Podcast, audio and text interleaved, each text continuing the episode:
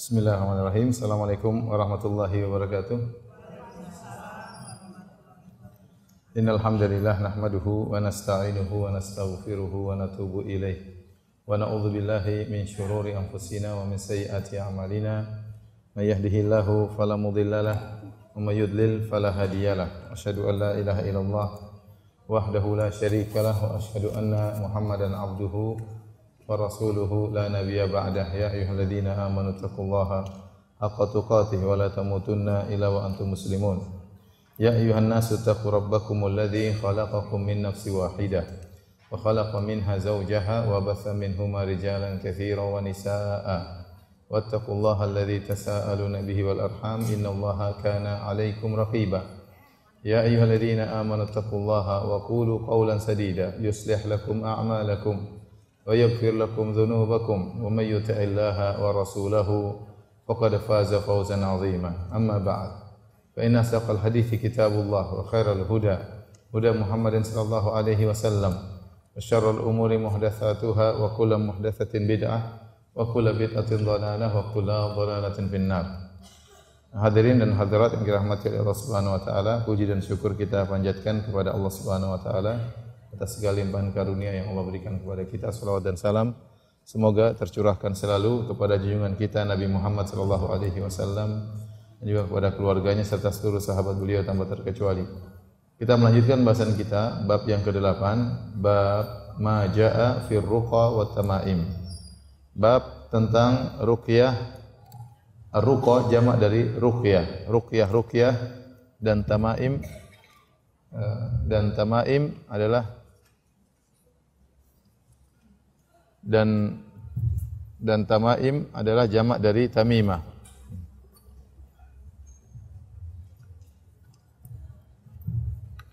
Ada jadi ruqyah, ruqa jamak dari ruqyah dan tamaim jamak dari tamimah. Kata plural dari tamimah. Jadi bab tentang ruqyah-ruqyah dan jimat-jimat.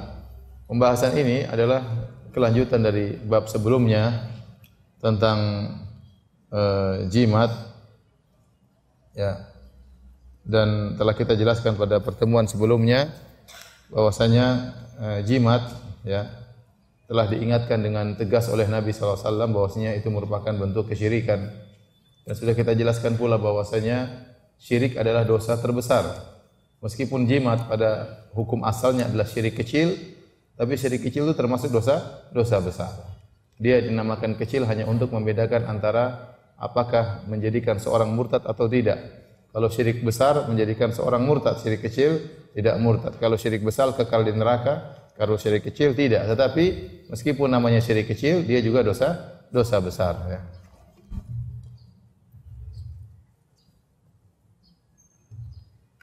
Uh, dan pembahasan ini tetap sangat perlu ya karena jimat masih banyak tersebar di tanah air kita bahkan di dunia ini ya. Masih banyak tersebar jimat masih banyak tersebar raja-raja ya. Kemudian masih banyak juga orang jualan jimat ya. Masih laku juga. Kalau nggak laku nggak mungkin mereka jualan ya. Berarti masih banyak yang jual masih banyak yang yang beli ya. Uh, kita bacakan bab maja fi ruqa wa bab tentang ruqyah-ruqyah dan jimat-jimat. Kata penulis Al-Imam Muhammad bin Abdul Wahhab rahimahullahu taala wa fi sahih an Abi Bashir Al-Ansari radhiyallahu anhu. Dalam hadis yang sahih, maksudnya sahih Bukhari dan sahih Muslim. An Abi Bashir Al-Ansari dari sahabat Abu Bashir Al-Ansari radhiyallahu anhu semoga Allah meridainya annahu kana ma'a Rasulillah sallallahu alaihi wasallam fi ba'dhi asfarihi. Suatu hari Abu Bashir ini Al-Ansari bersama Nabi dalam sebagian safar Nabi sallallahu alaihi wasallam. Fa arsala rasulan, maka Nabi pun mengutus seorang utusan dengan memerintahkan kepadanya alla yabqayanna fi raqabati ba'irin kiladatan min watrin au kiladatan illa kutiat Utusan ini kemudian menyampaikan pesan kepada para sahabat. Jangan biarkan ada di leher onta sebuah kalung yang terbuat dari watar. Watar itu adalah senar atau tali busur, tali busur yang digunakan untuk memanah. Au kiladatan atau uh, kalung apa pun illa qutiyat kecuali di diputuskan. Kecuali diputuskan. Hadis ini ya menjelaskan tentang uh, peringatan keras dari Nabi sallallahu alaihi wasallam tentang bahaya jimat dan jimat itu tidak terbatas dipakai oleh manusia saja bahkan juga dipakai oleh hewan ya. Di zaman dahulu ya orang memakai jimat dikalungkan kepada leher hewan. Contohnya hewan onta. Jadi mereka mengkalungkan kalung yang terbuat dari watar. Watar itu adalah tali yang digunakan untuk busur panah. Kalau sudah usang busur panah tersebut, talinya sudah tidak dipakai, maka talinya diambil dijadikan apa? Dijadikan uh, jimat. Ya, dijadikan jimat. Ya. Dan Nabi SAW melarang, bahkan Nabi perintahkan secara khusus. Kalau ini perkara sepele, ngapain Nabi sampai mengutus utusan untuk memerintahkan, memutuskan jimat-jimat tersebut. Padahal jimat-jimat tersebut tidak dipakai di manusia, tapi dipakai di hewan. Tapi Nabi suruh untuk putuskan. Berarti Nabi dalam kondisi safar banyak kegiatan, tetapi Nabi ternyata meskipun dalam kondisi safar, meskipun jimat itu hanya di hewan, dan Nabi tidak, tapi Nabi tetap memberi perhatian besar, memerintahkan untuk memutuskan jimat-jimat tersebut. Sudah kita jelaskan ya, coba lihat halaman 58 ya. Yang yang punya buku, sudah difotokopi semuanya? Belum ya? Yang baru 100 ya.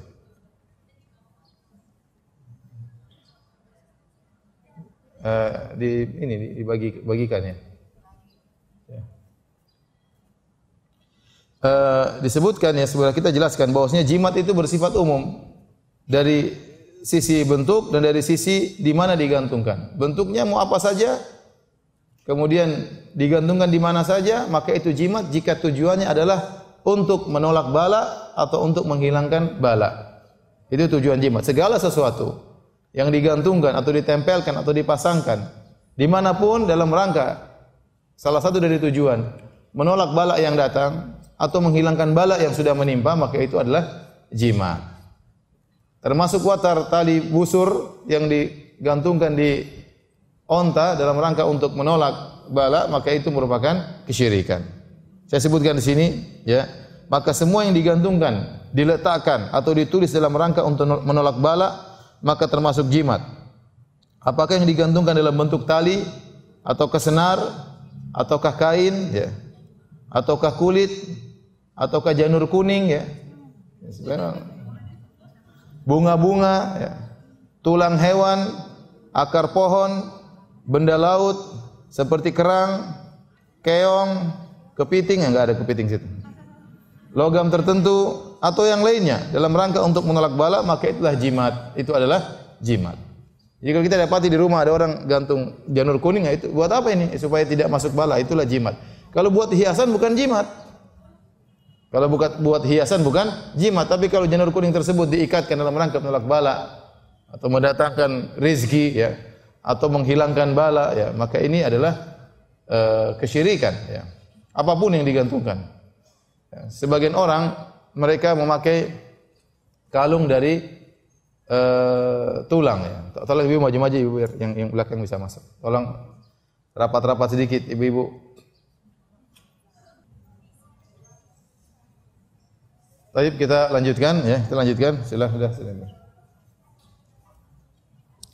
Jadi semua yang digantungkan apakah janur kuning, apakah tulang, apakah akar dan saya lihat orang ya mereka pakai logam, logam tertentu mereka bikin gelang.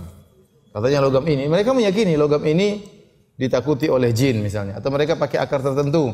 Mereka pakai jelek kalau kita lihat tapi mereka pakai sengaja. Ya, saya tanya, buat apa? Ini kalau ini bisa menolak bala atau menghindarkan sihir atau menjauhkan dari gangguan jin. Ini semua syirik. Ya. Pokoknya kalau tujuannya menolak bala ya atau untuk menghilangkan penyakit maka itu adalah jimat ya. Nanti dukunnya yang jualan itu mengatakan jin tidak suka kalau ada orang pakai akar ini. Tahu dari mana inti kalau jin tidak suka orang pakai akar ini? Tahu-tahu jinnya lebih naksir gimana? Jadi dibuat cerita seperti itu. Ini ini sebenarnya kita bukan bukan pakai jimat Ustaz, tapi memang jin itu tidak suka kalau sama akar seperti ini. Dia nggak kuat dengan bau seperti ini misalnya. Dibuat cerita-cerita sehingga akhirnya orang pakai jimat tersebut ya. Ini adalah kesyirikan. Kemudian di mana pun digantungkan, mau digantungkan di tangan, mau digantungkan di ketiak, mau digantungkan di paha, mau digantungkan diikatkan di betis, mau digantung diikatkan di lutut, mau di pergelangan kaki, mau di jari, ya, di mana saja. Mau di telinga, mau di hidung, mau di leher. Pokoknya kalau tujuannya demikian maka itu merupakan kesyirikan. Mau digantungkan di rumah, mau di mobil, mau di apa namanya eh, hewan, ya, mau di belakang mobil, bagian depan mobil, mau di laci mobil, Pokoknya semua yang diletakkan dalam rangka untuk menolak bala ya atau dalam rangka untuk menghilangkan bala maka itu merupakan jimat dan itu adalah kesyirikan. Tapi hadis berikutnya ya. Ibnu Mas'ud radhiyallahu anhu menuturkan Aku telah mendengar Rasulullah SAW bersabda Inna ruqa wa tamaima wa tiwala tasyirkun Sungguhnya rukyah-rukyah Jambi-jambi dan tiwalah yaitu pelet merupakan kesyirikan. Eh, ruqa nanti akan kita jelaskan ruqa artinya ruqyah bacaan-bacaan mantra-mantra kalau bahasa bahasa kita mantra-mantra kalau tamaim jimat yang di yang ditempelkan ya digantungkan wa tiwalah tiwalah itu sejenis sihir dalam rangka untuk menjadikan seorang suami lebih cinta kepada istrinya atau istri lebih cinta kepada suaminya ya itu namanya tiwalah dengan jampi-jampi dengan mantra-mantra maka akhirnya suami semakin tempel sama nempel sama istrinya, istrinya semakin nempel sama suaminya. Kata Nabi SAW itu adalah kesyirikan. Di sini ada kisahnya, kisahnya bisa dilihat halaman 59. Halaman halaman 59. An Zainab imroati Abdullah bin an uh, imroati Abdullah an Abdullah. Dari Zainab istrinya Abdullah bin Mas'ud. Dia meriwayatkan dari Ibnu Mas'ud dari suaminya. Qal, bahwasanya suaminya berkata sami'tu Rasulullah sallallahu yaqul aku mendengar Rasulullah sallallahu bersabda inna ruka wa tamaima wa tiwala tasyirkun sungguhnya mantra-mantra azimat-azimat pelet adalah kesyirikan.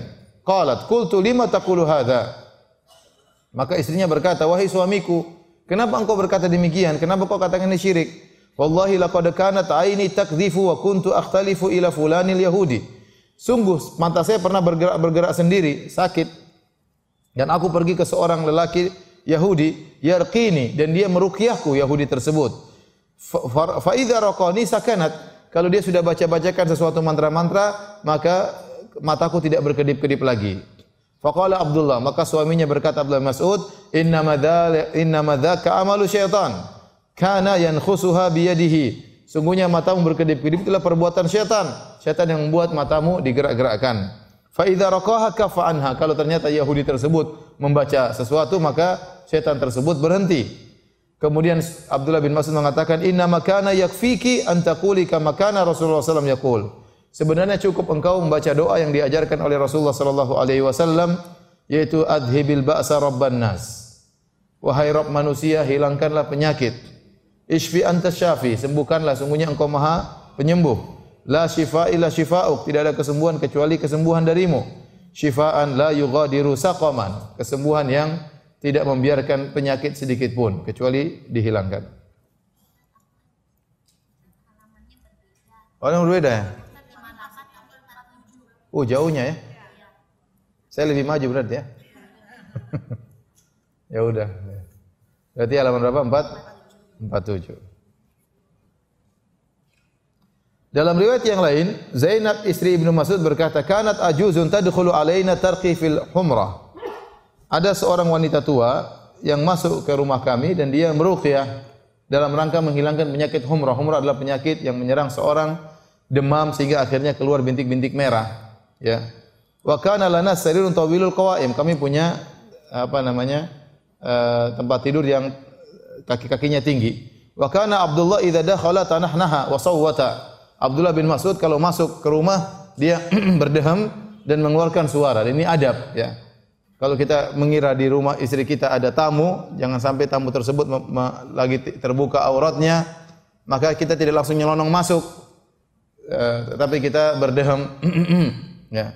Kalau kita kira-kira ada ya, kira-kira ada tamu istri kita mungkin kita tinggal di kita di uh, lantai dua kemudian mau turun ke lantai satu ternyata ada tamu kita dengar suara-suara wanita maka kita hendaknya berdeham agar mereka tahu bahwasanya ada orang mau turun laki-laki sehingga mereka yang mau pakai jilbab pakai jilbab, yang mau pakai cadar pakai cadar, terserah.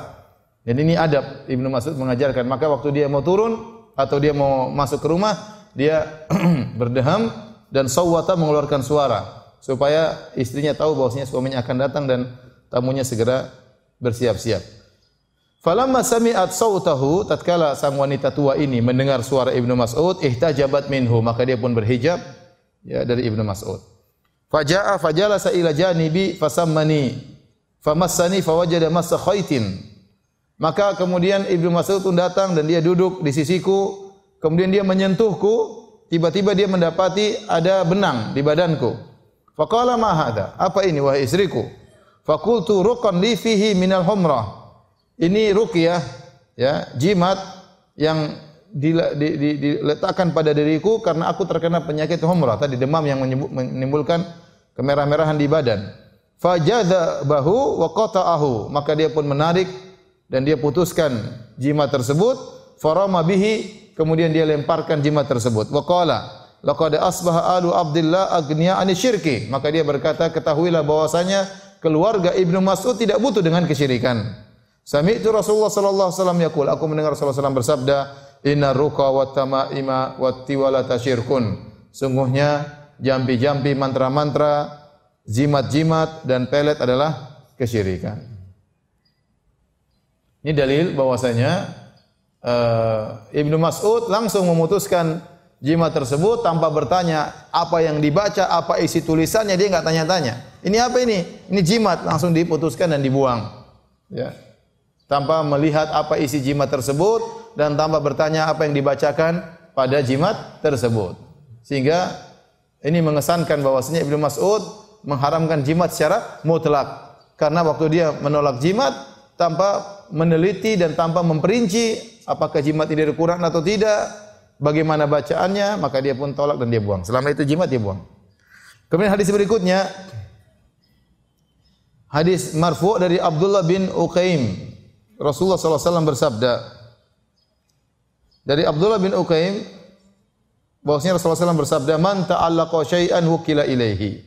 Barang siapa yang menggantungkan sesuatu yaitu jimat, maka Allah akan menjadikan orang tersebut bergantung kepadanya. Barang siapa yang menggantungkan sesuatu, maka Allah menjadikan orang tersebut bergantung kepada. Ini bahayanya jimat. Orang kalau sudah pakai jimat, dia tawakalnya kepada jimat. Dia lupa kepada Allah Subhanahu wa taala. Ini yang terjadi. Dan ini di antara sebab kenapa jimat itu merupakan kesyirikan. Karena masalah hati menjadikan seorang bertawakal kepada jimat tersebut. Orang yang mau berdagang dia punya jimat pelaris, maka dia harus bawa jimat tersebut. Kalau enggak, nanti dia khawatir dagangannya tidak tidak laris. Kalau dia punya jimat untuk kekuatan, dia mau keluar mungkin takut bertemu dengan musuh kalau dia tidak bawa jimat dia tidak pede. Maka dia harus kembali bawa jimat tersebut. Kalau dia mau main judi ada jimat yang buat menang. Kalau dia main judi tanpa jimat tersebut dia merasa tidak pede untuk menang. Maka dia bawa jimat untuk judi tersebut. Jadi macam-macam jimat itu fungsinya ya. Jimat untuk ini jimat untuk anu jimat untuk ini jimat untuk anu berbagai macam ya. Tergantung para penjual jimat ya. Ya sehingga benar-benar tawakalnya kepada jimat tersebut. Dan ini yang syirik di sini sangat sangat jelas sekali. Tatkala seorang tidak bertawakal kepada Allah, seakan-akan rezekinya, seakan-akan kekuatannya, seakan-akan keberuntungannya, seakan-akan semuanya berasal dari jimat tersebut. Kalau tidak ada jimat tersebut, seakan-akan semuanya gagal. Maka inilah nilai kesyirikan. Hadis ini ada kisahnya juga. Saya bacakan kisahnya. An Isa bin Abdurrahman qala dari Isa bin Abdurrahman dia berkata, "Dakhalna ala Abdullah bin Ukaim wa huwa marid." Kami menyenguk Abdullah bin Uqaim dan beliau dalam kondisi sakit. Na'uduhu kami menyenguknya. Faqila lahu maka ada di antara yang menyenguk berkata kepada Abdullah bin Uqaim radhiyallahu anhu, "Lau ta'allaqta syai'an, kenapa kau tidak pakai jimat?" Supaya penyakitnya apa? berkurang. Jadi saya katakan tadi jimat fungsinya dua. Menolak bala yang belum datang atau menghilangkan bala yang sudah apa? menimba. Kali ini ditawarkan, "Kenapa kau tidak pakai jimat?" Kenapa kau tidak pakai jimat ya? Jangankan saya waktu di Madinah, waktu di Madinah, tidak usah kita bicara di kampung di Indonesia. Saya waktu di Madinah saja, ya, eh, waktu terjadi kebakaran di di apartemen saya, ya, sempat ada ibu-ibu dari Indonesia kasih masukan, ya, kenapa nggak tempel ini kertas ini? Dia nggak tahu kalau saya ini ustadz kapan. Jadi istri saya diberi anjuran untuk menempelkan apa? Jimat ya kertas. Ya, udah kebakaran. Memang kalau ditempel kembali lagi barang-barang kebakar. Jadi ya seperti itu. Jadi apa namanya? Banyak orang ya kalau sudah dari kampungnya punya pemikiran syirik dia ke mana pun tetap dibawa pemikiran tersebut. Ya. Maka waktu Abdullah bin Ukaim sakit ada yang tawarin. Ini menunjukkan bahwasanya jimat memang tersebar di zaman jahiliyah. Maka Nabi datang untuk menghilangkan jimat-jimat tersebut. Nabi menanamkan akidah yang benar. Namun demikian saking tersebarnya, maka terkadang sebagian orang masih percaya kepada jimat. Maka dikatakan kepada Abdullah bin Ukaim yang sedang sakit, "Lau ta'allaqta syai'an, kenapa kau tidak pakai jimat?" Faqala, "Ata'allaqu syai'an?" Maka dia kaget, dia sahabat. Apakah saya pakai jimat? Dalam riwayat dia berkata, "Al mautu aqrabu min dzalik." Ini maka semakin bikin cepat mati kalau pakai jimat. Waqat qala Rasulullah SAW, maka dia mengatakan, sungguhnya Rasulullah SAW bersabda, Man ta'allaqa syai'an wukila ilaihi. Barang siapa yang mengantukkan sesuatu, dia akan bertawakal kepada sesuatu tersebut. Inilah fungsinya seorang tatkala kenal sunnah. Jadi Abdullah bin Ukaim dia tahu sunnah, ditawarkan jimat dia tidak mau karena dia tahu dalilnya.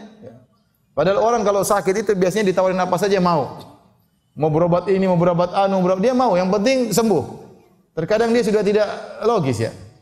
Disuruh makan, ini pernah saya di Papua sana, ada orang sakit, ditawarin, kamu mau sembuh, makan uh, anu, bukan biji, biji masih mending, tai kambing disuruh makan. Jadi apa saja orang lakukan? Orang sakit tikus dimakan. Orang kalau sudah sakit apa saja dia mau lakukan, yang penting dia apa? Sembuh. Suruh pakai jimat, suruh pakai apa? Tolong bapak maju maju. Biar yang lain bisa masuk. Tolong rapat. Makanya orang kalau sudah sakit, dia melakukan apa saja yang penting dia bisa sembuh. Imannya lagi lemah, yang penting pikiran dia bagaimana saya bisa bisa sembuh. Oleh karenanya tatkala ditawarkan, seandainya kalau orang awam, eh coba pakai jimat, eh, coba coba sepatu sembuh, dipakai sama dia. Tapi karena ini Abdullah bin Ukaim sahabat radhiyallahu anhu ngerti tentang sunnah, maka waktu ditawarkan jimat, maka dia semakin membantah. Dia bilang saya pakai jimat, mungkin malah bikin cepat mati kalau pakai jimat ya. Saya mendengar Rasulullah SAW bersabda, man ta'allaqa syai'an wukila ilaihi. Barang siapa yang mengantungkan sesuatu, maka Allah akan buat dia bertawakal kepada sesuatu tersebut.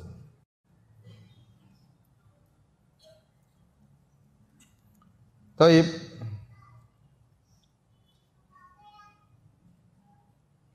Hadis yang lain, ya.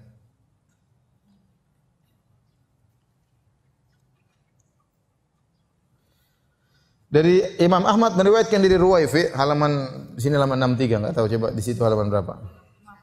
50 halaman 5 50. Biasanya saya dikasih satu buku sini. Mana buku? Enggak ada. Biar enggak enggak beda-beda.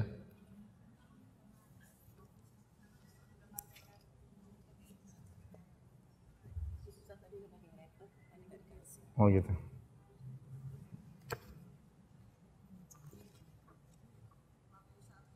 51 ya.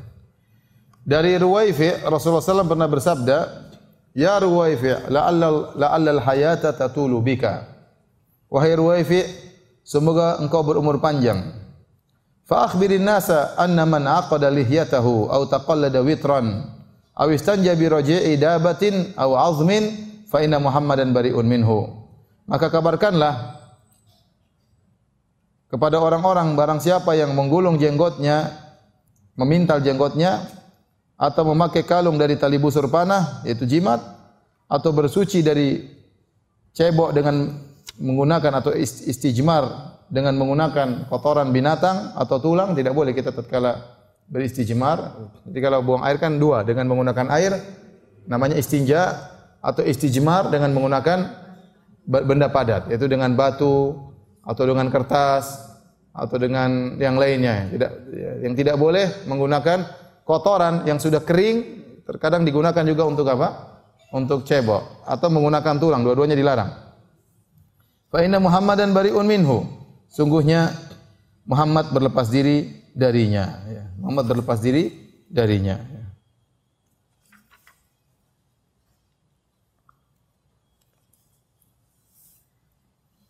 Ini dalil bahwasanya ya taqallada witran seorang menggantungkan jimat dengan menggunakan busur panah maka ini merupakan dosa besar karena kata Nabi fa inna Muhammadan bariun minhu sungguhnya Muhammad berlepas diri darinya Waqi meriwayatkan bahwa Sa'id, bin Zubair radhiyallahu berkata, barang siapa yang memotong tamimah dari seorang maka tindakan itu sama dengan memerdekakan seorang budak. Ya. Menunjukkan pahala besar jika seorang memutuskan tamimah dari seorang maka seperti membebaskan apa? Seorang budak. Sekarang kita bahas tentang uh, ruqyah ya. Lihat halaman 52, halaman 52. Kata Ibnu Hajar, waqad ajma'al ulama ala jawazir ruqa inda ijtima'i thalathati syurut. Para ulama telah sepakat namanya ruqyah, mantra-mantra itu boleh jika terpenuhi tiga syarat. Yang pertama ayyakuna bi kalamillahi ta'ala au bi asma'i wa sifati. Yang kedua, yang pertama harus dengan firman Allah atau dengan nama-nama dan sifat-sifat Allah. Yang kedua wabil lisanil arabi dengan bahasa Arab. Au bima yu'raf maknahu atau dengan bahasa yang dipahami maknanya. Kemudian wa an yu'taqada anna ruqyah la tu'athir bidzatiha. Dan harus yakin bahwasanya ruqyah itu tidak bisa berpengaruh kecuali karena Allah Subhanahu wa taala bukan karena ruqyahnya sendiri.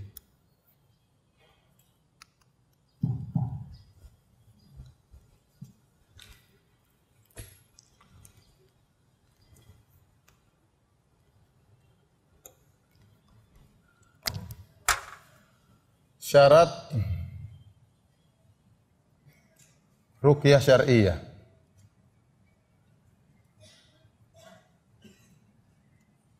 Ada tiga ya. Yang pertama apa namanya? Dengan firman Allah. Firman Allah atau nama-nama dan sifat-sifatnya.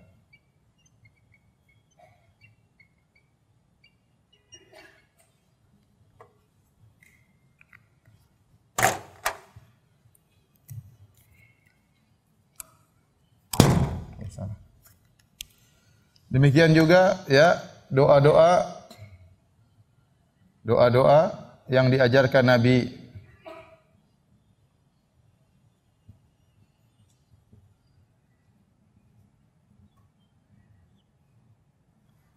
Kemudian yang kedua apa tadi dengan bahasa Arab.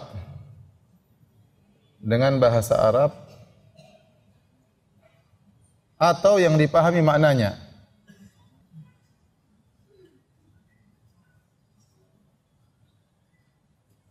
Yang ketiga, meyakini bahwa kesembuhan dari Allah.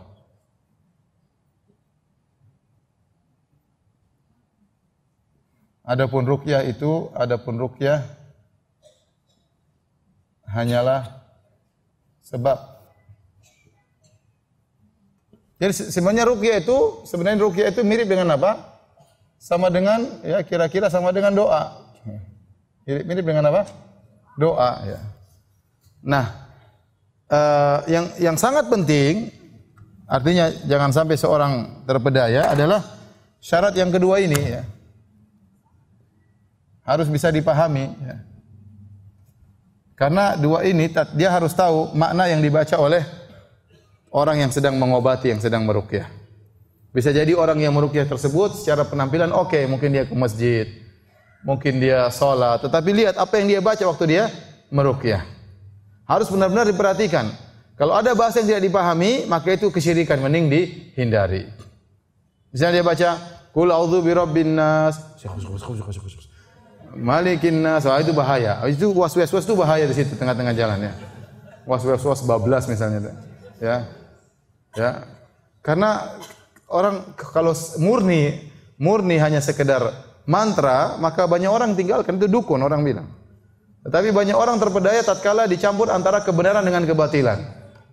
Makanya Allah mengatakan wala talbisul haqqo bil batil. Jangan kalian campurkan kebenaran dengan kebatilan. Tatkala dia ada Qur'annya, orang-orang yang lihat dia pakai Quran kok, iya, dia pegang Quran, dia baca Quran, tapi di tengah-tengah apa yang dia baca. Maka seorang harus ngeh, harus ngerti apa yang dia baca. Kalau ada bahasa yang tidak dipahami, maka tinggalkan karena dia mencampurkan kebenaran dengan kebatilan. Bisa jadi dia memohon kepada jin, bisa dia memohon kepada arwah, bisa jadi memohon kepada syaitan, kita nggak ngerti. kita enggak enggak ngerti. Maka syarat ini sangat penting, ya. Apa yang dibaca oleh orang tersebut, ya. Jadi baca rahim. Ah, itu bahaya. Ah, itu bahaya ya. ya. Ada dulu orang di kampung dia ngerukyah. Ada orang kemasukan jin dia baca. Tangkap, tangkap katanya. Jinnya keluar suruh tangkap. Gimana tangkapnya? Tapi maksud saya hati-hati ya, hati-hati. Syarat kedua itu syarat sangat penting karena banyak orang terpedaya hanya melihat kepada tulisan Al-Qur'an atau bahasa Arab ya dan tidak tahu apa isinya. Ibnu Taimiyah rahimahullah berkata, "Wa ammatu ma bi aidin nas min al azaim wa talasim wa ruqa allati la tufqahu bil arabiyyah fiha ma huwa syirkun bil jin." Kebanyakan yang berada di tangan manusia beredar di tangan manusia tentang jimat-jimat dan tolasim-tolasim, raja-raja dan rukyah-rukyah tidak dimengerti dengan bahasa Arab. Kebanyakannya itu adalah syirik. Walihada naha ulama'ul muslimin an ruqyah allati la yufqahu ma'naha. Oleh karenanya kaum muslimin para ulama melarang kalau ada rukyah atau jimat yang tidak dipahami maknanya. Li'annaha madhinnatu syirki. Karena itu merupakan uh, apa namanya uh, sebab kesyirikan atau tempat-tempat kesyirikan. Wa illam ya'rifir raqi annaha syirkun.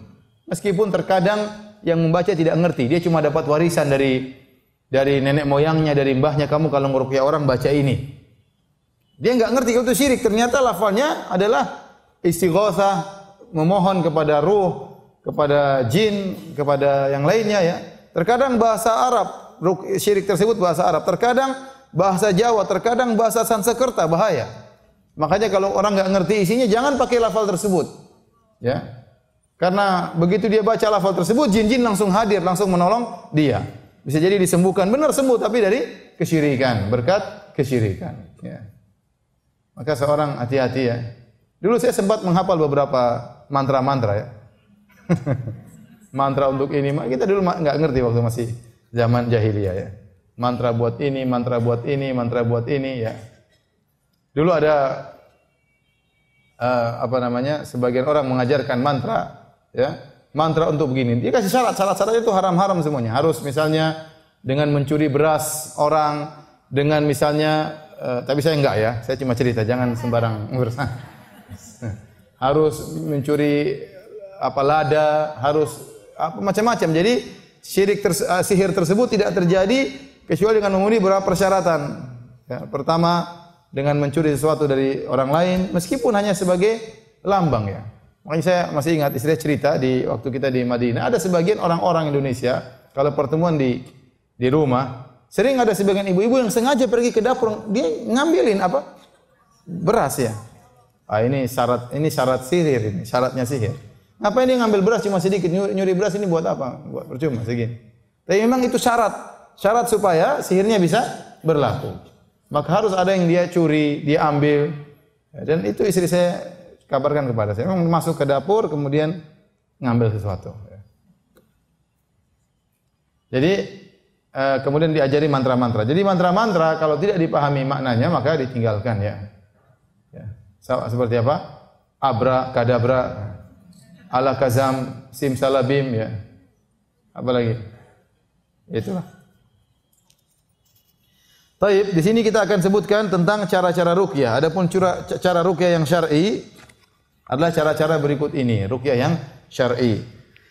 Yang pertama dengan namanya an-nafas. An-nafas adalah tiupan disertai sedikit sekali air liur. Dan ada yang mengatakan tanpa air liur. Tiupan ada air liurnya sedikit, ada yang mengatakan tanpa air liur. Nafas. Nafas ini derajat yang paling rendah dalam merukyah. Jadi ada tiupan. Dalam hadis Rasulullah SAW bersabda, Ar-ru'ya salihah min Allah. Mimpi yang baik, yang terang benderang jelas adalah dari Allah. Wal hulmu minasyaitan. Adapun mimpi ya buat orang takut, sedih dan yang lain dari syaitan. Fa idza ra'a ahadukum syai'an yakrahuhu, maka jika salah seorang dari kalian melihat dalam mimpinya sesuatu yang tidak dia sukai, falyanfith hina yastayqiz. Maka hendaknya tatkala dia terjaga salah marrat, maka hendaknya dia melakukan nafas ya dengan tiga kali dan rukyah lihat kata Allah dalam surat apa namanya al, apa namanya al falaq qul a'udzu birabbil falaq min syarri ma khalaq wa min syarri ghasiqin idza waqab wa min syarri naffatsati fil uqad dan kami berlindung kepada engkau ya Allah dari wanita-wanita yang tukang tiup-tiup di buhul jadi sihir juga rukyah syar'i dengan tiupan, uh, sihir juga dengan apa? Tiupan. Ya. Cuma Allah sebutkan sini kami berlindung dari nenek-nenek apa perempuan-perempuan yang tukang tiup-tiup di buhul-buhul. Karena biasanya yang pakar-pakar dalam melakukan sihir itu perempuan. Kenapa perempuan? Karena hati mereka tuh benar-benaran apa? Kalau jahat sadis ya. Maksudnya dendam itu luar biasa perempuan. Kalau jengkel jengkelnya mendalam karena mereka perasa ya. Makanya lebih hebat nenek sihir daripada kakek sihir. Karena sampai makanya Allah sebutkan secara khusus wanita-wanita dalam surat tersebut ya. Kata Allah Subhanahu wa taala, "Wa min syarrin naffatsati fil uqad." Dan kami berlindung kepada Engkau ya Allah dari wanita-wanita penyihir yang meniup-niup di buhul. Kenapa Allah menyebutkan nenek sihir tidak menyebutkan kakek sihir? Bukan berarti kakek sihir tidak ada. Kakek sihir juga ada. Tapi yang hebat biasanya apa? nenek sihir. Yang tersebar biasanya apa? Nenek sihir. Karena perempuan memang begitu. Kalau dia udah jahat, udah dendam, itu luar biasa apa namanya? Makanya kalau ada ribut perempuan dengan perempuan, waduh gawat. Laki-laki terkadang ya sudah, tapi perempuan tuh benar-benar dia mendalam apa namanya perasaannya. Makanya di antara hikmah kenapa para ulama mengatakan wanita tidak boleh uh, sebenarnya berpendapat wanita tidak boleh ziarah kubur. Kenapa? Mereka tidak bisa menahan perasaannya. Kalau sampai di kuburan dia sedih lagi, nangis-nangis lagi, dan itu tidak diinginkan oleh syariat kesedihan yang berkepanjangan. Maka sebagian wanita dilarang untuk pergi ke mana? Terlalu sering ke kuburan karena kalau sampai sana dia akan terus nangis sedih. Akhirnya banyak kegiatan tidak bisa dia kerjakan dan banyak kewajiban yang akan dia tinggalkan. Jadi di antaranya nafas. Nafas adalah meniup apakah dengan air liur sedikit atau tanpa air liur. Maka Nabi berkata, jika salah seorang dari kalian bermimpi yang dia tidak sukai, mimpi buruk, ya macam-macam, ya, mimpi ini, mimpi anu, dikejar ular, ya, mimpi apa namanya eh, jatuh dari tempat yang tinggi, mimpi terluka, mimpi dibunuh, eh, mimpi suaminya poligami, itu mimpi indah apa mimpi buruk gitu? mimpi indah bagi suaminya. Kemudian falyanfith hina yastaqi thalatha marrat, maka dia pun bangun Kemudian jika dia terjaga maka dia pun meniupkan tiga kali. Di sebelah kirinya gitu. Jadi dia menghadap ke kiri dia Nah, ini bisa jadi ada air liur sedikit, bisa jadi enggak ada. Jangan pakai air liur nanti ada istrinya di samping.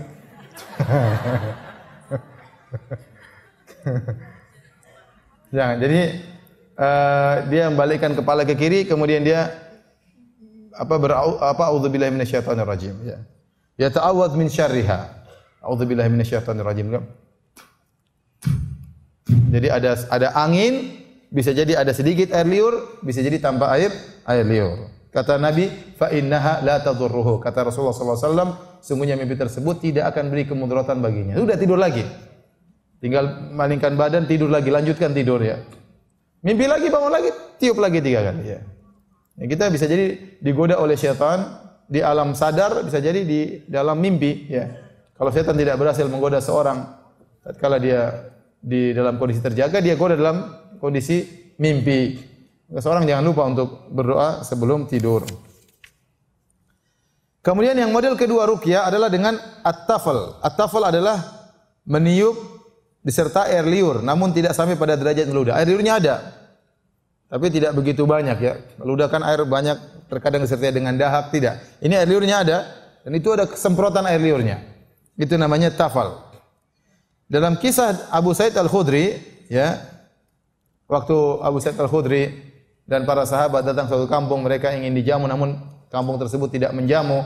Akhirnya ada pemimpin kampung yang sakit. Sakit maka ditanya hal minkum rakin apakah ada orang tukang rukyah di antara kalian?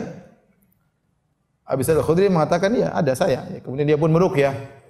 Jadi dalil bahwasanya tidak semua sahabat apa? meruqyah. Ya. Ada memang di antara mereka yang ahli dalam meruqyah. Bukan berarti dia orang yang paling alim, tidak. Bukan berarti dia orang paling ber, bertakwa, tapi itu mau hibah. Allah berikan kepada seorang, dia kalau meruqyah manjur. Ya. Bukan berarti dia yang paling alim. Abu Abu Bakar As-Siddiq tidak dikenal sebagai orang ahli apa? Ruqyah. Umar bin Khattab juga tidak dikenal sebagai orang ahli ruqyah. Tapi ada sebagian sahabat seperti Abu Sa'id Al-Khudri radhiyallahu anhu, sahabat junior, beliau meruqyah. Maka ditanya, "Hal minkum raqin?" Apakah di antara kalian ada tukang ruqyah? Berarti mereka tahu ada orang yang memang suka apa? Meruqyah. Faja'ala yatfuhu wa yatfulu wa yaqra. Maka dia pun meludah, ya. Yatful itu di bawah ludah tapi ada air liurnya. Wa yaqra alhamdulillah rabbil alamin. Jadi alhamdulillah alamin. Ar-Rahmanir Rahim. Ludah lagi. Ini enggak ya. Ini ada harus ada harusnya ada air liurnya ya. Tapi enggak mungkin saya ludah di sini. Jadi jadi ada air liurnya. Terus sampai hatta nama nusyita min iqal. Sampai orang tersebut pun sembuh seakan-akan dia baru lepas terlepas dari ikatan. Ya. Dalam riwayat yang lain, faja'ala yaqra'u bi ummil Qur'an. Maka Abi Sa'id Al-Khudri pun baca surat Al-Fatihah. Wa yajma'u buzuqah wa yatfil. Jadi dia baca dulu. Alhamdulillahirrahmanirrahim maliki yaumiddin iyyaka na'budu wa iyyaka nasta'in siratal mustaqim siratal ladzina an'amta 'alaihim ghairil maghdubi 'alaihim waladdallin amin. Dia kumpulkan hadurnya. Kumpulkan kemudian dia ludahkan ke orang tersebut.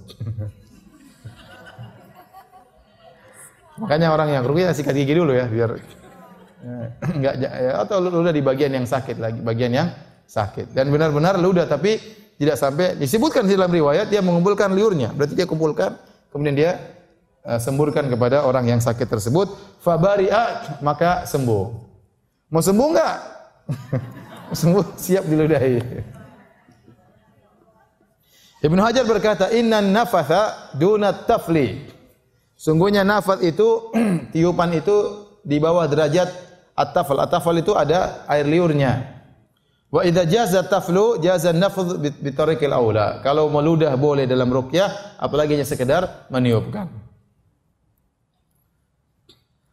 Kemudian yang ketiga cara meruqyah, meruqyah tanpa tiupan sama sekali. Cuma dibaca tanpa ditiup sama sekali. An Aisyah radhiyallahu taala anha dari Aisyah radhiyallahu anha anna Rasulullah sallallahu alaihi wasallam adalah Rasulullah sallam kana idza ata maridhan aw utiya bihi adalah kebiasaan Nabi kalau beliau menyenguk orang sakit atau ada orang sakit didatangkan kepada beliau maka beliau berdoa adhibil ba'sa rabban nasi ishfi anta syafi la shifa illa shifauk shifaan la yughadiru la yughadiru saqama wahai Rabbnya manusia hilangkanlah penyakit sembuhkanlah sungguhnya engkau adalah maha penyembuh. Tidak ada kesembuhan kecuali kesembuhan darimu, kesembuhan yang tidak meninggalkan sakit sedikit pun. Dalam riwayat yang lain juga, hadis yang lain, An Abdul Aziz qala, dakhaltu ana wa Thabitun ala Anas bin Malik. Abdul Aziz dan Thabit menemui Anas bin Malik. Faqala Thabit, ya Abu Hamzah. Ternyata Thabit lagi sakit. Dia berkata, ya Abu Hamzah, wahai Anas, Abu Hamzah, Ishtakaitu, aku sakit. Faqala Anas, Anas berkata, "Ala arqika bi ruqyati Rasulillah sallallahu alaihi wasallam? Maukah aku meruqyahmu dengan ruqyahnya Nabi?" Ini dalil bahwasanya tidak mengapa kita tawarkan ruqyah kepada orang. Tidak mengapa. Jangan tunggu dia meminta. Kalau kita bisa bantu ada waktu kita meruqyah. Ya. E, kalau ada ikhwan, akhwat yang memang dia punya kemampuan untuk meruqyah, berpengalaman, maka bagus ya ini membantu orang lain ya membantu orang lain. Saya sering diminta untuk tapi saya tidak saya merukyah cuma beberapa kali, saya tidak mau. Kenapa? Karena menyibukkan. Menyibukkan saya ada hal yang lebih penting menurut saya yang harus saya lakukan. Tapi seandainya ibu-ibu kurang kerjaan, mungkin ya. Atau bapak-bapak punya waktu luang ya. Ada orang yang sakit, kita doain sembuh, apa bacain. Ya sebagaimana Anas menawarkan dirinya. Ala arqika bi Rasulillah Maukah aku merukyah engkau dengan rukyahnya Nabi sallallahu alaihi wasallam? Ini apa saja orang sakit boleh dirukyah. Kita kesembuhan dari Allah Subhanahu wa taala. Kita rukyah mungkin dia ke dokter dikasih obat bisa jadi sembuhnya karena rukyahnya bukan karena apa? Obatnya. Seorang menempuh uh, jalan rukyah menempuh juga jalan pengobatan medis, enggak ada masalah, ya. Tinggal mana yang lebih dahulu lebih kuat, yang penting dia jalankan dua-duanya. Maukah aku rukyah engkau dengan rukyahnya Rasulullah SAW? Qala bala. Kata mereka, kata dia tentu. Kemudian Anas membaca doa, Allahumma rabban nas, mudhibal mudhibal ba's. Ya Allah, Tuhannya manusia yang menghilangkan penyakit. Isfi anta syafi. La syafiya illa ant. Sembuhkanlah, sungguhnya engkau maha penyembuh. Tidak ada penyembuh kecuali engkau. Syifaan la yughadiru saqama. Kesembuhan yang menghilangkan seluruh penyakit. Jadi cara ketiga hanya dengan didoakan, tanpa ditiupkan, tanpa di air liur, ya, cuma didoakan. Cara keempat, mencampurkan sedikit tanah dengan air liur. Mencampurkan sedikit tanah dengan air liur. An Aisyah radhiyallahu taala anha, dari Aisyah radhiyallahu anha, beliau berkata, "Anna Nabi sallallahu alaihi wasallam kana yaqulu lil marid." Nabi sallallahu alaihi wasallam berkata kepada orang yang sakit, "Bismillahi turbatu ardina biriqati ba'dina yushfa saqimuna biizni rabbina." Yang artinya dengan nama Allah. Ini adalah turbatu ardina, tanah dari bumi kami Biriqati ba'dina dengan bercampur dengan air liur sebagian kami. Yushfa saqimuna, maka orang yang sakit di antara kami sembuh. Biizni rabbina dengan dengan izin Allah Subhanahu wa taala. Nawawi menjelaskan bagaimana caranya? Caranya seorang menaruhkan air liur di tangannya, di jarinya, kemudian dia tempelkan jarinya ke tanah. Ada yang mengatakan harus tanah kota Madinah, ada yang mengatakan tanah apa pun. Karena yang berfungsi kan campuran ada air liur, dengan tanah disertai dengan doa. Ini sekedar wasilah. Tapi yang paling penting apa? Doanya. Doanya ya. Karena sebagian orang salah paham ini dalil boleh ngambil tanah di kuburan untuk dijadikan obat. Enggak, ini beda. Ini yang jadi masalah apa namanya? Doanya. Karena disertai dengan ruqyah. Jadi eh, kata Imam Nawawi rahimahullah dalam syarah Sahih Muslim, jadi eh, jari diludahin, setelah itu ditempelkan ke tanah. Setelah itu sambil mengoleskan tanah tersebut ke bagian luka, apakah bengkak ataukah luka, ya. Dikasih liur campur dengan tanah tersebut sambil dibaca doa. Bismillahi turbatu ardina biriqati ba'dina yushfa saqimuna biizni rabbina. Sambil dioleskan. Begitu cara pelaksanaannya menurut Al-Imam An-Nawawi rahimahullahu taala. Mudah-mudahan bisa sembuh ya. Yang kelima, cara meruqyah adalah mengusapkan tangan ke tubuh. Ya, kalau tadi sekedar dibaca, yang ini tidak dengan meletakkan tangan di tubuh. An Utsman bin Abil As As-Saqafi annahu syaka ila Rasulillah sallallahu alaihi wasallam waja'an yajidu fi jasadihi. Ada seorang sahabat bernama Utsman bin Abil As dia mengeluh kepada Nabi tentang penyakit yang dia dia bercerita tentang penyakit yang dia dapatkan dalam tubuhnya. Mundu aslama sejak dia masuk Islam dia sakit. Seakan-akan ada jin yang mengganggu dia. Setiap semenjak sakitnya kapan? Semenjak masuk Islam. Ada orang masuk Islam diuji ya. Ada orang berhijrah diuji ya. Ada. Faqala lahu Rasulullah SAW, maka Rasulullah SAW bersabda, "Dha' yadaka 'ala alladhi ta'allama min jasadik." Letakkanlah tanganmu di lokasi di mana kau rasa sakit. Wa qul dan katakanlah bismillah tiga kali. Bismillah, bismillah, bismillah. Wa qul sab'a marrat dan ucapkanlah tujuh kali a'udzu billahi wa qudratihi min syarri ma ajidu wa uhadir. Ucapkan tujuh kali. A'udzu billahi wa qudratihi min syarri ma ajidu wa uhadir. A'udzu billahi wa qudratihi min syarri ma ajidu wa uhadir. A'udzu billahi wa qudratihi min syarri ma ajidu wa uhadir. A'udzu billahi wa qudratihi min syarri ma ajidu wa uhadir. Antum ibu-ibu berusaha hafal doa ini. A'udzu billahi wa qudratihi min syarri ma ajidu wa uhadir. A'udzu billahi wa qudratihi min syarri ma ajidu au hadir. Yang artinya aku berlindung kepada Engkau ya Allah dengan kekuatanmu, ya dengan kudrahmu dari keburukan yang aku dapati dan yang aku khawatirkan. Letakkan di tempat kita sakit. Ya.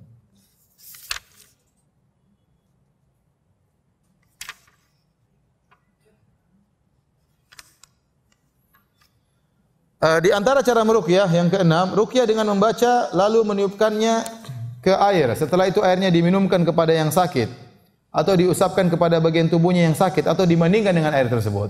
Sebagian orang demikian, dia baca Quran di air, dia kumpulkan air, dia bacakan Quran. dia berikan air tersebut kepada orang yang sakit. Ada orang seperti itu. Nah, itu tidak apa-apa. Ya, namanya sampai di Saudi juga dibagi alma al-marqi. Saya kalau pergi kantor-kantor dakwah ada namanya alma al-marqi. Di air yang sudah diruqyah. Diletakkan dia tidak dijual, gratis tapi diletakkan di kantor-kantor karena ada syekh yang memang dia pakar rukyah, dia bacain, kemudian di, di, di, di apa namanya ditiupkan kepada air itu semua. Setelah itu diletakkan di uh, korur apa namanya? Uh, apa namanya ini? Botol ya. Botol-botol kemudian uh, yang datang silakan ambil, yang sakit silakan nggak ngambil ya.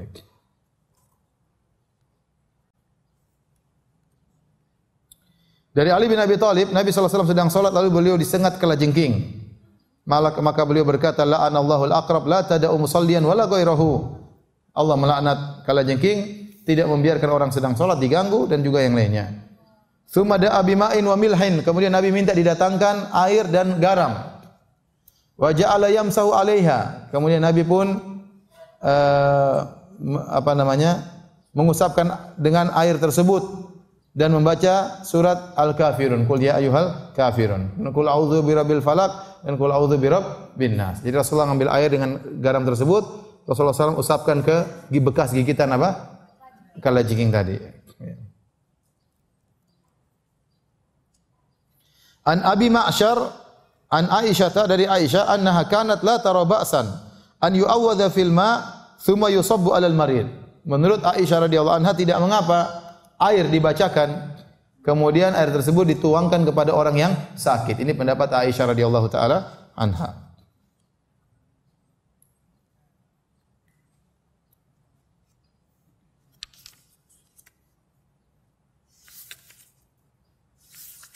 Baik. Kita lanjutkan bahasa jadi tadi cara-cara ruqyah yang syar'i dengan cara apa pun tidak mengapa. Seperti seorang baca kemudian diminum sama orang lain juga tidak tidak mengapa. Dimandikan, diusapkan ke tubuh orang yang sakit juga tidak tidak mengapa. Itu cara-cara yang syar'i ya. Jadi tidak mengapa. Jadi kalau saya katakan tadi kalau ada orang kata Nabi sallallahu alaihi wasallam man istata'a minkum an apa namanya uh, barang siapa di antara yang mampu untuk berbuat baik kepada saudaranya falyaf'al maka lakukanlah. Ya ini Rasulullah berbicara tentang konteks ruqyah. Barang siapa mampu untuk meruqyah, maka lakukan dia dapat pahala. Apakah orang tersebut sembuh atau tidak dapat pahala. Ya. Sama seperti orang berusaha mengobati, sembuh atau tidak dia dapat pahala. Kalau ada saudara kita yang sakit, kita tawarkan, kalau kamu ada waktu saya mau ruqyah kamu misalnya. Tidak mengapa ya. Kamu sakti, bukan sakti mangga. Cuma kita berdoa, ini kan doa, berdoa kepada Allah. Siapa tahu sembuh ya. Maka tidak apa-apa dia kemudian meruqyah saudaranya. Jadi ruqyah itu bukan cuma orang kemasukan jin ibu-ibu ya. Jadi tidak mesti orang di ruqyah itu hanya yang sekedar kemasukan apa? jin. Penyakit apa saja uh, bisa dengan ruqyah. Wa nunazzilu minal Qur'ani ma huwa shifa. Kami turunkan Al-Qur'an yang Al-Qur'an merupakan obat. Obat itu kata para ulama umum, obat penyakit badan maupun obat penyakit hati. Jadi bisa jadi orang sembuh dengan apa? ruqyah dengan baca Quran. Meskipun itu penyakit fisik. Sebagaimana penyakit batin juga bisa sembuh dengan Al-Quran, penyakit fisik juga bisa sembuh dengan Al-Quran. Oleh karena tidak harus bahwasanya ruqyah itu hanya untuk orang yang uh, apa kemasukan jin ya. Dalam sebagian kondisi, artinya sebagian orang saya tahu ya. Dia malam hari anaknya panas, dia tidak rumah sakit tutup, tidak punya kendaraan untuk rumah sakit. Udah dia baca Quran aja. Sembuh anaknya. Baca Quran aja. Itu enggak ada dia sudah pasrah, enggak ada apa, baca Quran. Baca Quran berapa juz, kemudian apa? Turun panas anak. Ya, maksud saya eh, segala cara kita tempuh dengan berdoa kepada Allah, dengan meruqyah, dengan pergi ke medis, enggak ada masalah. Ya, dari mana saja kesembuhan Allah berikan, kita melakukan sebab. Berobat dengan medis sebab, berdoa sebab, meruqyah juga apa? Sebab. Dan kita lanjutkan dan Waqi meriwayatkan bahwa Ibrahim An-Nakhai berkata, kanu yakrahun mereka para sahabat membenci segala jenis at-tamaim kullaha. Mereka membenci segala bentuk jimat. Minal Quran atau min ghairi Quran. Apakah jimat tersebut dari Al-Quran maupun selain dari Al-Quran? Ini pendapat sebagian ulama. Pendapat Ibnu Mas'ud ya radhiyallahu anhu bahwasanya jimat semuanya dilarang. Baik dari Al-Quran maupun selain dari Al-Quran. Dan ini ada khilaf yang kuat di kalangan para ulama.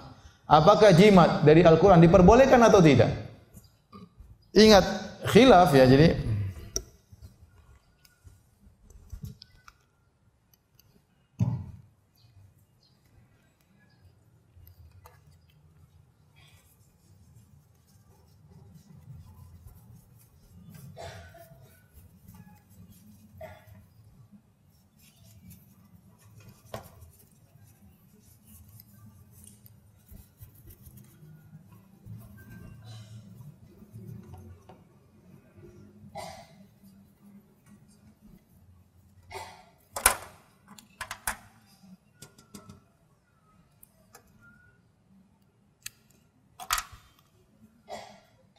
jimat dari Al-Quran.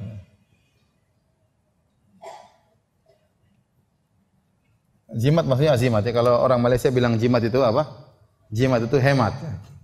Saya kemarin di Malaysia, masya Allah ada beberapa perkataan yang ternyata bahaya ya, bahaya.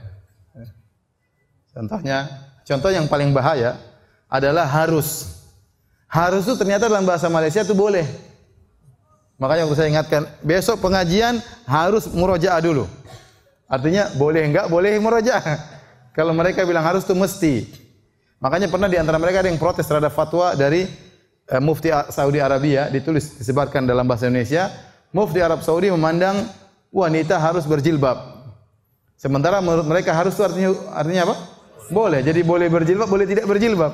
Ini mufti ngawur katanya. Padahal harus itu artinya mesti. Kalau mereka tidak harus artinya apa? Boleh. Nah, di antaranya jimat. Jimat kata mereka artinya apa? Uh, hemat ya. Pemerintah siap membantu jimat, oh, bahaya. Pemerintah syirik ini. Togut ini jualan jimat ya.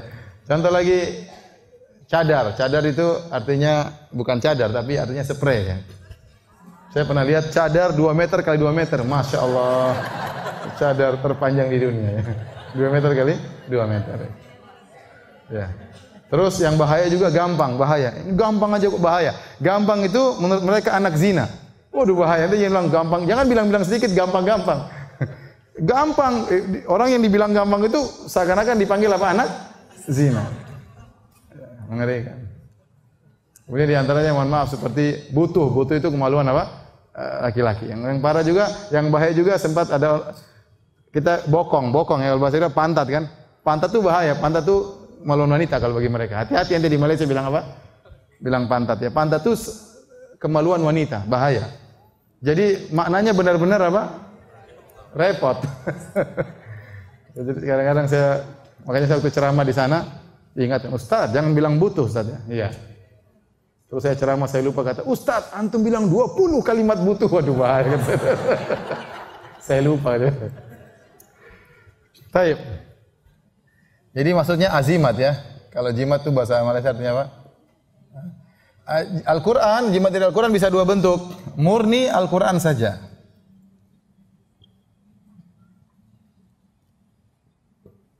Ini tercampur dengan sel Al-Quran.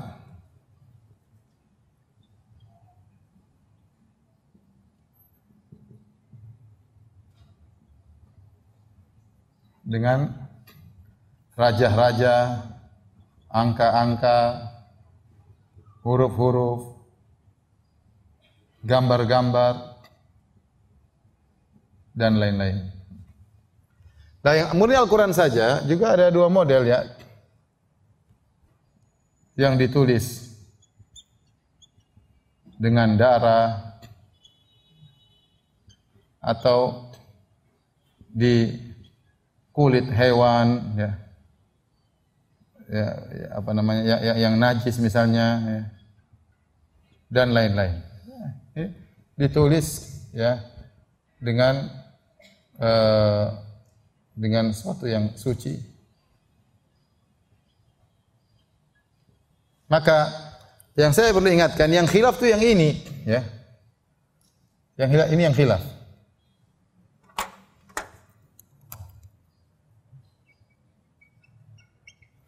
Kalau yang ini sepakat haram. Karena ini apa syirik? Ini syirik. Yang ini juga apa sepakat haram.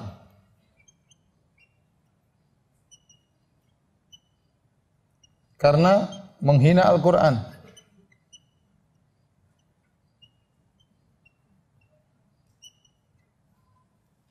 Dan khilaf para ulama yang di sini Ya, di sini khilaf.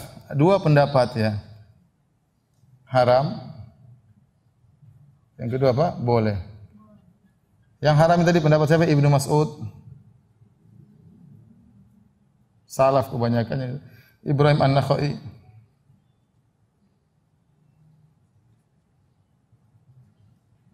Ini sebagian sebagian salaf, sebagian salaf membolehkan.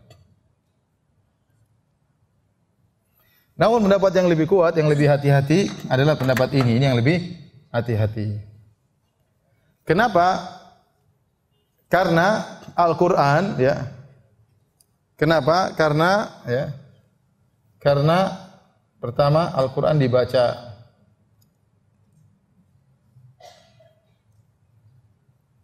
bukan ditulis. Nabi tidak pernah mengajarkan mengajarkan cara ini. Mengajarkan jimat Quran. Tidak pernah. Tiga, menutup celah-celah.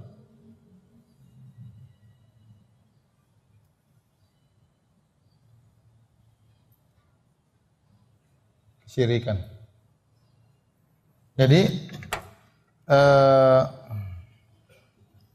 pendapat yang benar adalah diharamkan secara mutlak ya. Jimat apa pun meskipun hanya murni Al-Qur'an ditulis di kertas yang suci tetap saja haram secara mutlak. Kenapa? Karena Nabi Shallallahu alaihi wasallam tidak pernah mengajarkan seperti ini. Dan kita tahu bahwasanya rukyah-rukyah doa-doa semuanya di, dibaca. Seandainya boleh dengan dituliskan maka sangat mudah. Seorang tulis doa tidur sebelum tidur, kemudian tinggal tempel di kepalanya tidur ya. Padahal kalau kita dua tidur Nabi baca suruh baca ini, baca ini, baca ini, baca ini. Ya. Quran juga disuruh di dibaca ya. Kalau memang nempel-nempel Quran boleh, sudah tinggal rumah ini kita isi Quran semua jimat ya. ya baca ayat kursi tempel di depan rumah, depan kamar, pintu depan, pintu belakang. Jadi setan kalau masuk pintu belakang nggak bisa. Masuk pintu depan juga nggak bisa. Kenapa ada ayat kursi? Dia baca dulu. La ilaha nggak bisa. Setan masuk tidak pakai baca-baca, dia tinggal nyelonong masuk ya. ya. Jadi uh, lebih kemudian yang kedua uh, yang ketiga menutup celah-celah menuju kesyirikan. Di antaranya orang kalau ada ustaz pakai jimat coba. Orang mana tahu jimatnya Quran saja.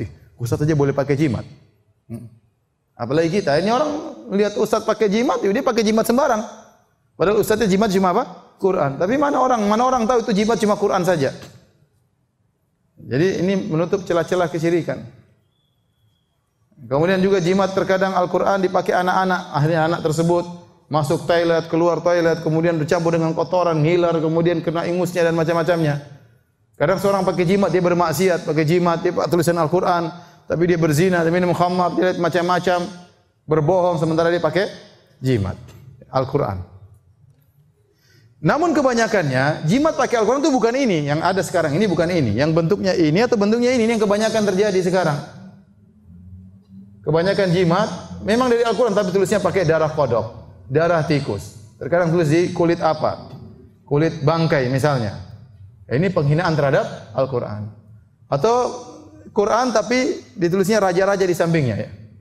Tulis Quran kemudian sebelahnya nomor-nomor apa, gambar-gambar kursi, gambar ini, gambar anu. Ya, ini sama, ini mencampurkan kebatilan dengan kebenaran. Itu syirik. Jadi yang model murni Quran ini cuma sedikit. Itu pun Quran terkadang ditulis dengan ini darah atau atau, atau ditulis dengan ya ditulis dengan berbolak-balik. Contohnya ya. Terputus-putus. Huruf dipisah-pisah. Macam-macam ya model-model mereka untuk menghina Al-Qur'an. Ya, kadang Al-Quran tapi ditulis berbolak-balik Al-Fatihah dari, dari dari kanan ke kiri dibolak-balik hurufnya, dipisah-pisah, dicampur-campur. Ini semua penghinaan terhadap Al-Quran. Jadi intinya lebih baik menghindarkan diri daripada jimat dengan segala bentuknya. Karena contoh yang diajarkan oleh Nabi Al-Quran dibaca bukan ditulis dan ditempelkan di jidat atau ditempelkan di badan ya. Saya dulu kenal orang dia tulis di dadanya Bismillahirrahmanirrahim. Tapi tukang mabok ya. Eh, repot ya. Jimatnya mantap ya. Tapi suka mabuk, repot. Jadi tidak boleh pakai jimat meskipun dari Al-Qur'an.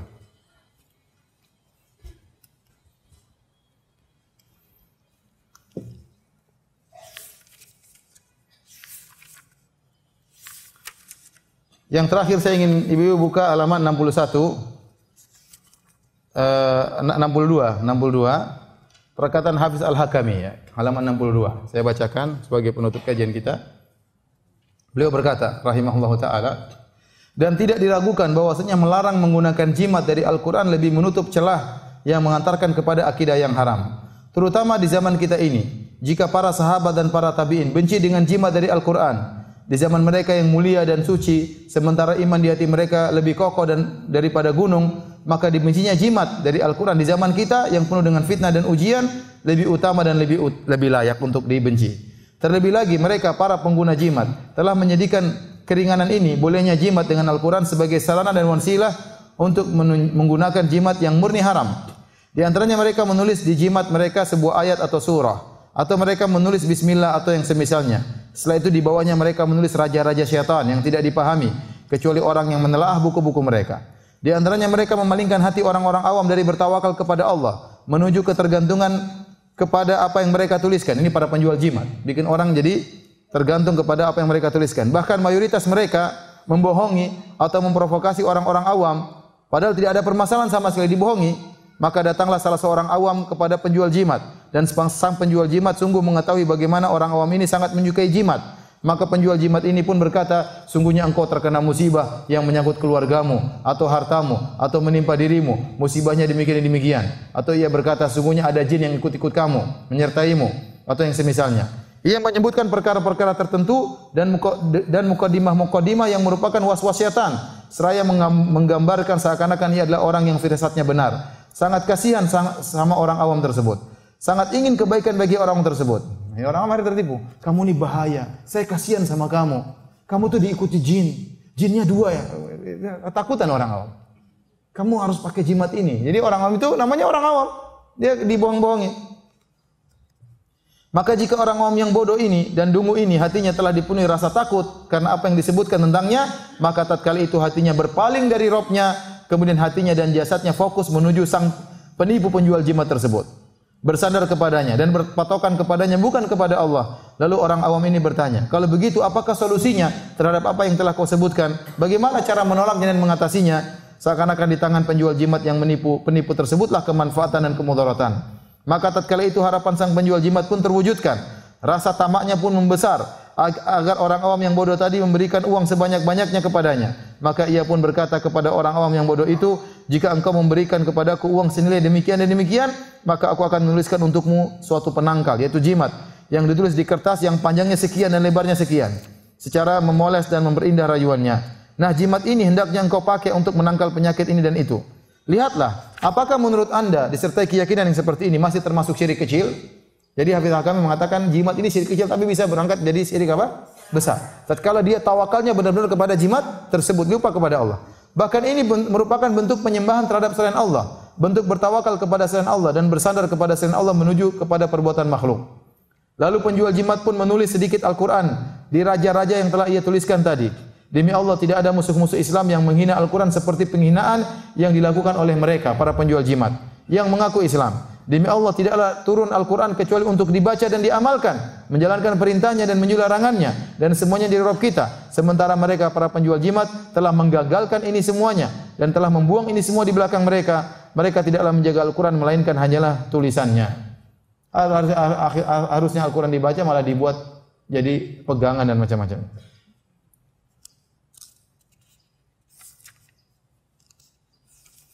Sisanya baca sendiri ya.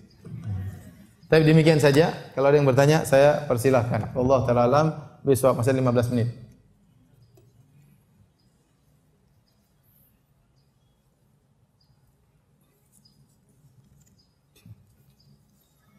Ustadz sekarang banyak dijual kalung gelang kesehatan apakah termasuk jimat? Kita bilang e, kalau memang ternyata itu terbukti secara medis direkomendasi oleh seluruh para dokter sudah terbukti secara uh, secara medis menurut pakar para dokter, bukan menurut para penjual ya. Karena bisa jadi penjual tersebut mengatakan dokter ini mengatakan demikian, ini dokter-dokter penjual ya. Nah kita ingin secara medis internasional sudah terbukti bahwasanya ini benar-benar uh, apa namanya benar-benar bisa menyembuhkan ada pengaruh secara medis maka tidak apa maka itu bukan jimat. Tapi selama semua itu hanyalah berasal dari perkataan para penjual maka sebaiknya ditinggalkan. Saya tidak mengatakan jimat, tapi saya katakan sebaiknya ditinggalkan. Ya. Tapi kalau benar-benar dokter sudah mengakui secara medis bisa dibuktikan secara ilmiah, maka tidak mengapa, maka itu salah satu bentuk pengobatan. Contoh, Orang jemaah haji banyak, banyak pakai gelang. Fungsinya apa? Bukan pengobatan supaya nggak hilang. Terbukti kalau pakai itu kalau hilang bisa ketahuan di mana lokasinya. Ya itu tidak apa-apa, itu bukan jimat. Berarti gelang ada fungsinya. Selama gelang itu fungsinya benar, sesuai dengan medis, bisa dibuktikan secara ilmiah, maka itu bukan jimat. Tapi selama itu hanya katanya dan katanya sebaiknya ditinggalkan. Ibu saya punya banyak jimat. Tanpa sepengetahuan ibu saya, saya buang jimat-jimat tersebut. Suatu ketika ibu saya menanyakan, saya jawab saya tidak tahu. Kalau saya jawab dibuang pasti marah. Apakah saya berdosa sama ibu saya? Mudah-mudahan tidak. repot ya, memang repot ya. Ya repot.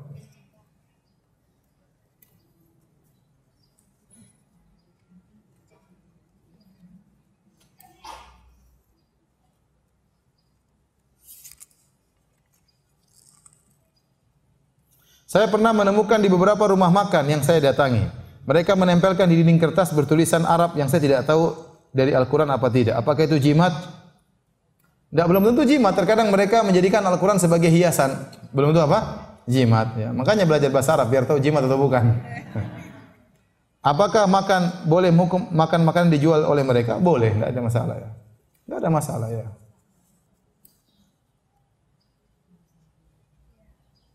Beberapa teman saya sedang menjalankan program kehamilan menjalani terapi rukyah. Apakah itu diperbolehkan? Apakah tertundanya kehamilan disebabkan dari sihir? Uh, saya tidak tahu ya, saya tidak tahu. Tapi seorang rukyah sambil menjalani pengobatan medis ya.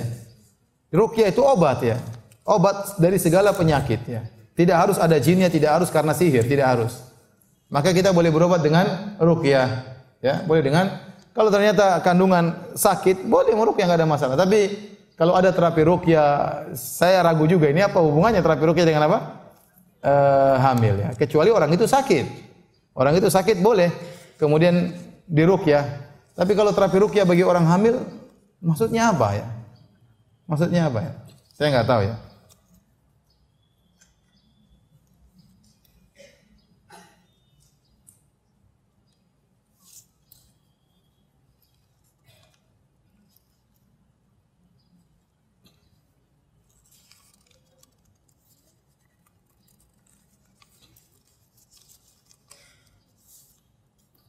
Bolehkah kita membaca Al-Fatihah ditiup di ke air di gelas dan mendoakan anak menjadi anak yang soleh?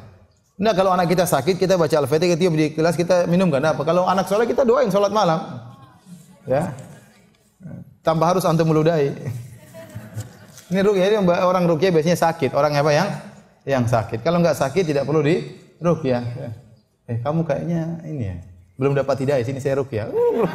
Eh dia doa sama Allah supaya dapat hidayah. Kalau dia sakit, sakit perut, nah itu kita rukyah. Ya. Kalau nggak dapat hidayah kita rukyah, ya, nggak bukan begitu cara caranya dengan didoakan. Anak kita kita doakan, salat malam kita doakan. Ya.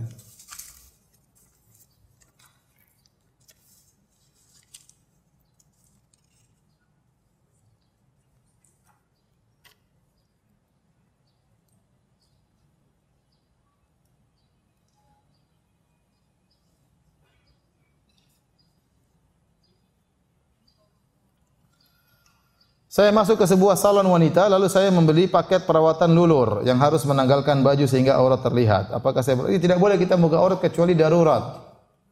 Wanita auratnya sama dengan laki di antara wanita dan wanita, ya. Uh, yang benar auratnya sama ya. Dia itu dari pusar sampai ke paha, ya. Di atas ini tidak di antara wanita, tapi seorang wanita di antara mereka kesopanan tetap dengan menutup apa namanya dadanya, tetapi e, seandainya dalam kondisi perlu dia lulur di dada nggak ada masalah. Tetapi antara pusar sampai ke paha, terutama sampai ke apa namanya, itu adalah aurat, tidak boleh dibuka kecuali dalam kondisi apa? Darurat. Ya. Ya, ya pengobatan tidak apa, haja nggak ada masalah, haja. Ya, tapi dibuka secukupnya yang perlu apa? Di, di, dibuka. Ya.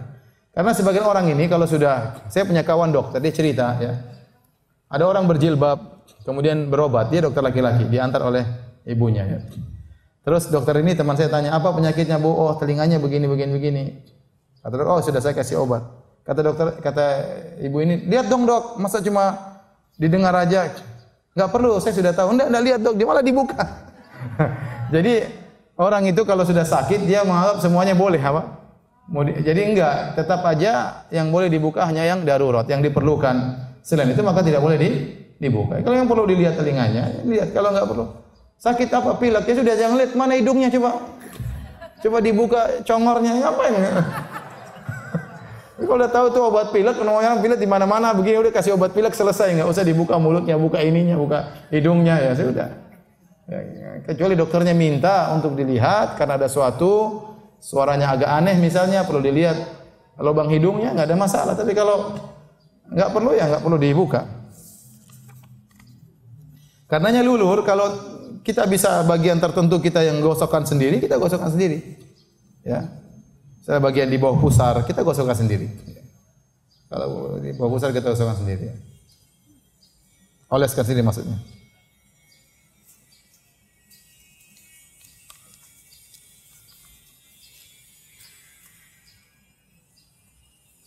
Bolehkah saya mengajak rukyah bersama istri?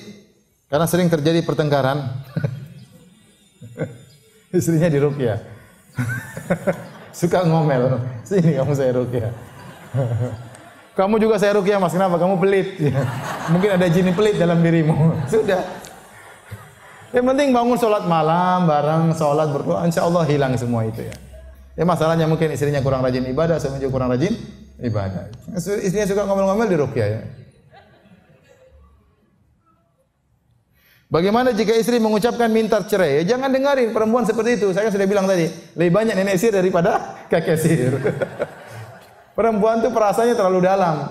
Maka dia bilang ceraikan aku, ceraikan aku. Jangan didengerin ya. Ya itu lagi lagi apa? Lagi konslet. Jangan. Nanti kalau dia udah baik lagi dia nggak begitu. Cuma lagi konslet dia nggak mikir panjang ngomong di hatinya tanpa dia pikirkan dampak dan akibatnya. Bayang ada perempuan sudah umur 50. Ceraikan aku, ceraikan aku. Dia nggak tahu kalau dia cerai jadi janda nggak ada yang mau umur 50. Tapi dia nekat aja, ceraikan aku, ceraikan aku. Emang kamu aja yang bisa kawin, saya juga bisa kawin. Siapa yang mau sama kamu? Tapi kita jangan ngomong gitu, diam aja. Kalau bilang siapa yang mau sama kamu, dia tambah ceraikan aku, dia tambah pede ya. Udah diam aja, ya udah ya ya kamu masih cantik kok, masih banyak yang mau. Nah, udah diam aja, jangan diikuti. Kalau perempuan bilang ceraikan aku, jangan diikuti.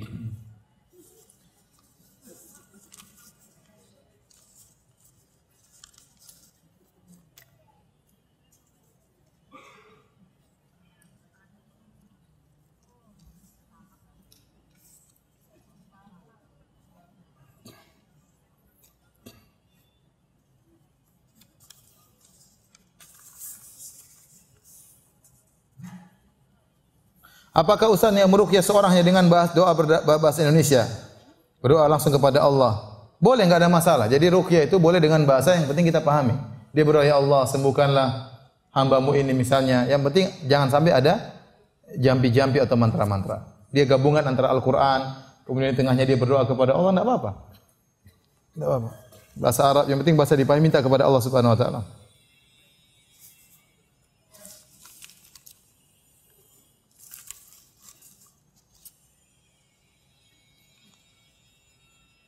Bagaimana menghilangkan jin yang asalnya dari turunan dari kakek? Katanya bisa diturunkan jin ke keturunan. Jadi di ya. Kalau kita tahu diganggu jin, misalnya ada indigo, indigo tahu ini, tahu anu ini biasanya ada jinnya. Di rukyah enggak apa? Di rukyah. Tapi tidak harus, tidak harus ya. Kalau dia tidak terganggu ibadahnya, jinnya, ya. tapi kalau di mode rukyah lebih baik sehingga dia bisa lebih normal hidupnya.